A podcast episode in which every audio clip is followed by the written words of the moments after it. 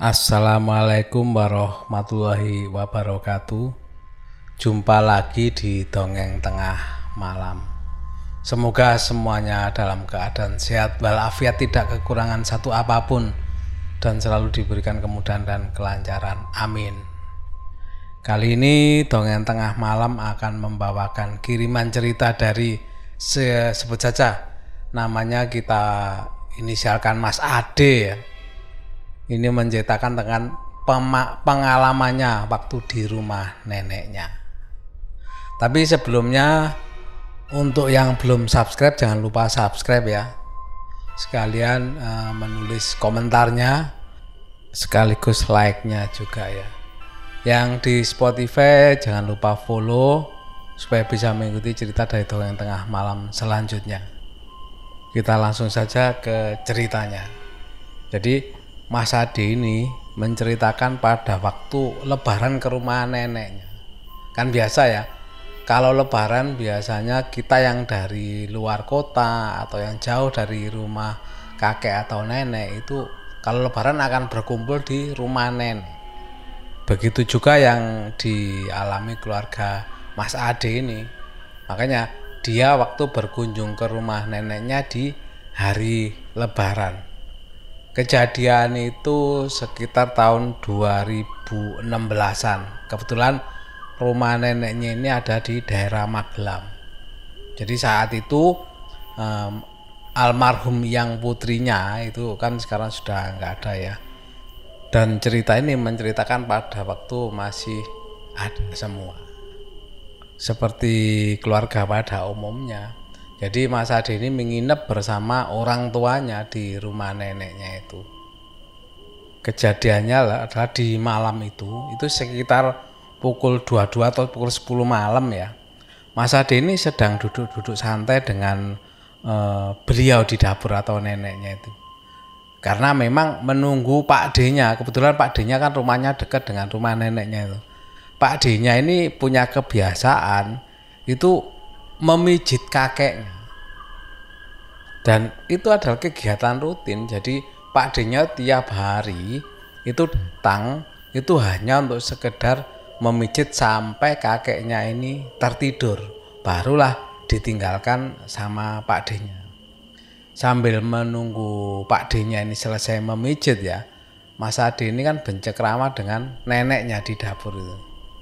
Setelah yang kagungnya ini tertidur pulas, barulah Pak Dini selesai memijit dan bisa uh, ikut ngobrol nimbrung bersama Mas Ade dan neneknya ini. Maklumlah usia yangnya saat itu ya sudah ber-90 tahun.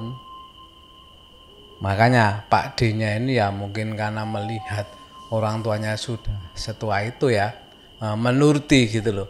Menuruti saking sayangnya sama orang tua, padanya menuruti apa yang diinginkan kakeknya. Salah satunya memijit itu.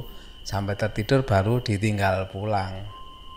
Akhirnya Pak D pun ikut kan ngobrol dengan Mas Ade dan neneknya ini. Saking asiknya e, bercengkrama ya nggak terasa. Waktu ternyata sudah menunjukkan hampir pukul 23 atau jam 11 malam. Karena terlihat sudah mulai malam Pak D-nya pun berpamitan kepada neneknya dan Mas Adi ini. Setelah itu Pak D-nya pun segera mengeluarkan motornya dari teras samping rumah ke luar pagar. Nah pintu pagar rumahnya eyangnya Mas Adi ini pendek. Jadi pagarnya hanya berbahan dinding itu pun juga eh, apa pendek ya dan bisa dilompati dari jalan kalau orang niat ya jadi saking pendeknya itu kalau orang mau masuk sebenarnya fungsi pagar ini hanya mungkin pembatas saja ya. Bukan untuk oh, apa menjaga atau apa. Dan eh, seringnya pagarnya pun juga nggak digembok. Karena memang di situ jarang terjadi memang ada kemalingan atau apa. Memang hampir nggak pernah. Hanya pintu dapur dan pintu depan saja yang biasanya dikunci sebagai gambaran kenapa dikatakan daerahnya atau rumahnya yang ini agak aman ya karena daerah sekitar rumahnya yangnya Mas Ade ini jalannya buntu kalau untuk mobil. Jadi bisa lewat lah di daerahnya uh, depan rumahnya itu. Hanya ada celah yang bisa dilalui uh, untuk menuju kampung ya. Hingga ke akses area tempat pemakaman umum uh, pemakaman umum lah ya. Dengan berjalan kaki. Jadi gangnya rumahnya yang Mas Ade ini uh, kebetulan berseberangan dengan markas besar Akademi Militer dan juga jalan raya. Maklum lah karena yangnya yang kakinya Mas Ade ini dulunya memang tentara. Begitupun juga dengan tetangga-tetangga di sekitar rumahnya. Itu merupakan temennya, temennya yang kangkung eh, yang sudah almarhum ya. Makanya di daerah rumah sekitar yangnya itu hmm, cukup aman setelah Pak D-nya berada di luar rumah, Pak D-nya pun berkata sama Mas Ade agar uh, biar dia saja yang menutup pintu pagarnya. Dan Mas Ade ini cukup uh, mengunci pintu dapur saja. Mas Ade pun ya melakukan apa yang dikatakan Pak D-nya ini. Akhirnya Pak D menutup pintu uh, pagar depan ya karena pagar depan ini kan uh, di luar ya. Dan perawatannya kan mungkin jarang apalagi yang menghuni kan uh, kakek nenek yang usianya cukup uh, banyak ya. Makanya nggak terawat. Jadi pagarnya kalau dibuka tutup bunyinya itu oh, kerasa sekali. Kalau mungkin nggak tahan di kuping rasanya keri gitu loh. Keri itu apa ya? Atau bukan keri ya menusuk gitu loh. Karena suaranya berjet berdecit gitu loh berjedit keras ya karena itu karena karatan tadi itu setelah menutup pintu pagar, terdengar di luar bahwa Pak adiknya itu mulai menstarter motornya dengan suara duru mesinnya ya. Dan samar-samar suaranya itu kan e, semakin jauh kan semakin pelan ya. Jadi terdengar jelas suara motornya itu jalan semakin jauh dan semakin hilang suara motornya itu. Akhirnya Mas Ade pun setelah mengunci semua pintu yang diamanatkan eh, sama Pak D-nya tadi, eh, kembali duduk bersama neneknya di dapur untuk melanjutkan ngobrol-ngobrol dengan neneknya. Malam lah ketemunya kan eh, jarang ya. Dan ketemu lama pun ya pas di hari lebaran ini sama neneknya. Tetapi nggak berapa lama setelah uh, Mas Adin duduk dan ngobrol dengan neneknya atau yang putrinya nih tiba-tiba terdengar ada seseorang yang mengetuk-ngetuk pintu dapur. Bahkan tidak hanya mengetuk biasa ya. Jadi ketukannya itu semakin lama itu semakin keras seakan-akan terburu-buru gitu loh. Orang terburu-buru ngetuk pintu. Dan di selama ngetuk pintu itu dia juga meminta tolong untuk dibukakan pintu tidak tahu itu mas-mas atau bapak-bapak ya. Jadi kan di luar terdengarannya kan nggak nggak uh, sampai jelas kira-kira oh, bapak-bapak atau mas-mas ya. Pak, Bu, tolong bukain pintunya. Pak, Bu. Hal itu diucapkan sampai tiga kali. Setelah tiga kali, suasananya tiba-tiba hening, nggak ada suara sama sekali, nggak ada ketukan sama sekali. Mas Ade dan yang putrinya pun saling bertatapan bingung gitu loh. Tapi yang terutama bingung sebenarnya Mas Ade. Nggak tahu. Bingungnya yang putrinya itu nggak tahu. Dan yang aneh lagi, suara minta tolong kalau orang itu seperti suaranya kan eh, terburu-buru ya tadi ya ketukannya ya. Harusnya kan suaranya terburu-buru seakan-akan orang ingin segera masuk. Yang aneh, suara minta tolongnya seperti suara orang meratap. Gimana ya bayang bayangkan orang meratap ya? Jadi nggak kalau dibilang wajar itu kalau eh, tergesa-gesa kan Pak Bu tolong tolong. Lah kalau ini suaranya tuh beda kan ya.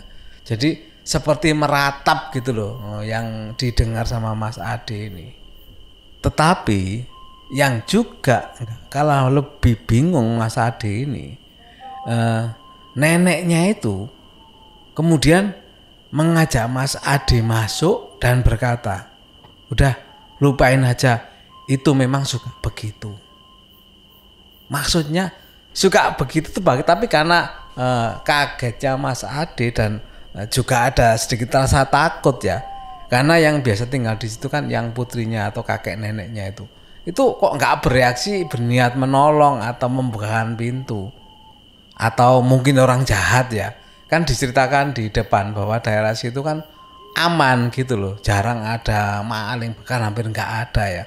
Lah ini eh, nek yang putrinya ini malah uh, menyampaikan lupain saja itu memang suka begitu kan sesuatu yang aneh gitu loh. Batin Mas Ade ini. Dan pada waktu kejadian tuh uh, Mas Ade masih belum berpikiran bahwa itu sesuatu yang aneh ya. Belum arah berpikiran ke sana. Akhirnya ya udah Mas Ade menurut saja uh, akhirnya uh, masuk ke dalam dan uh, mengunci pintu. Istilahnya menslot apa ya? Kalau eh, rumah-rumah dulu kan biasanya pakai kunci geser itu ya. Jadi istilah istilahnya tuh menslot pintu pembatas antara ruangan atau area dalam dengan luar alias dapur yang tadi dipakai tempat untuk uh, ngobrol dengan yang putrinya. Walaupun area dapur pun sebenarnya sudah tertutup ya, sudah uh, dikunci, ada kunci pintunya. Tapi memang uh, gitu ya rumah-rumah dulu uh, zaman orang tua saya dulu itu bahkan selain kunci biasa ya itu mesti ada kunci slotnya itu. Bahkan ada dua uh, bahkan bisa lebih ya. Minimal satu mesti ditambah kalau dari dalam ada kunci slotnya uh, seperti itu. Kita maklum lah memang orang-orang tua kita dulu sangat menjaga sekali keamanan rumahnya. Setelah di dalam rumah yang dikhawatirkan malah yang kakung atau kakeknya tadi. Uh, untungnya alhamdulillah katanya tidak sampai terbangun. Padahal menurut Mas Ade suara ketukan tadi itu lumayan keras, lumayan kenceng. Dan kamar yang kakungnya itu itu jendelanya mengarah ke dapur. Makanya dikhawatirkan kan kaget mendengar ketukan keras tadi dan ternyata tidak.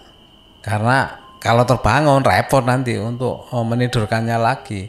Pasti mencari Pak D untuk memijat dan supaya bisa segera tidur. Dan juga ada keanehan lagi. Orang tuanya Mas Ade ini kan kebetulan mereka ada di kamar ya sedang walaupun mereka katanya belum tidur sih. Kamarnya itu e, jendelanya tuh mengarah teras itu di luar dapur ya. Tempat di mana ada ketukan dari pria misteris itu pada waktu ditanyain mendengar ada ribut-ribut ada gitu ternyata mereka padahal mereka belum tidur loh ya. Katanya mereka tidak mendengarkan sama sekali. Padahal ketukannya itu cukup keras bahkan e, bikin yang mendengarkan mungkin kaget ya karena saking keras karena orang tergobuk-gobuk kalau ngetuk pintu kan e, seperti nggak ada aturannya ya. Langsung kan gedor-gedor gitu kan biasa orang yang e, tergobok-gobok itu. Dan mereka tidak mendengarkan sama sekali. Dan itulah yang membuat Mas Ade jadi sesuatu yang aneh ketukan tadi dan mulai berpikir gitu Kok suara sekeras itu nggak ada yang mendengarkan selain e, Mas Ade dan yang putrinya. Bahkan yang terpikirkan dari Mas Ade itu yang putrinya itu seperti tahu sesuatu. Jadi waktu waktu itu kan saling tatapan bengong ya mendengar ketukan itu justru mungkin ya mungkin yang putrinya malah bukan khawatir ketukan itu. Khawatir dengan Mas Ade yang ternyata mendengarkan ketukan itu. Makanya yang putrinya segera mengajak masuk Mas Ade dan e, tidak usah menghiraukannya. Dan itu menjadi pertanyaan e, belum ada jawaban. Pertanyaan belum ada jawaban bagi Mas Santi dianggap bahwa siapa sebenarnya pria misterius yang mengetuk-ngetuk pintu rumahnya yang putrinya itu. Dan mungkin masih belum terjawab sampai sekarang ya karena eh, nggak dibahas sama Mas Ade ini. Yaitu tadi eh, ketukan misterius kiriman dari Mas Ade, pengalaman pribadi Mas Ade yang mungkin tidak bisa dilupakan sampai saat. Itu tadi kiriman dari Mas Adi. Terima kasih Mas Adi atas kiriman ceritanya. Maaf Mas Adi ini inisial ya, bukan nama sebenarnya. Bagi sedulur semua yang mau berkirim cerita bisa lewat email ya. Kirim aja di dongeng tengah malam gmail.com dan tidak lupa juga saya sampaikan terima kasih kepada semua pengirim cerita ke dongeng tengah malam mohon maaf mungkin yang belum terbacakan atau belum dibawakan di dongeng tengah malam ini. Mohon sabar menunggu nanti insya Allah akan segera uh, dibawakan di sini. Demikian semoga semua sedulur bisa terhibur dengan cerita dongeng tengah malam ini. Dan saya Pak D Alvan mengucapkan terima kasih sebanyak-banyaknya telah mendengarkan dan menonton uh, cerita dari dongeng tengah malam ini sampai selesai.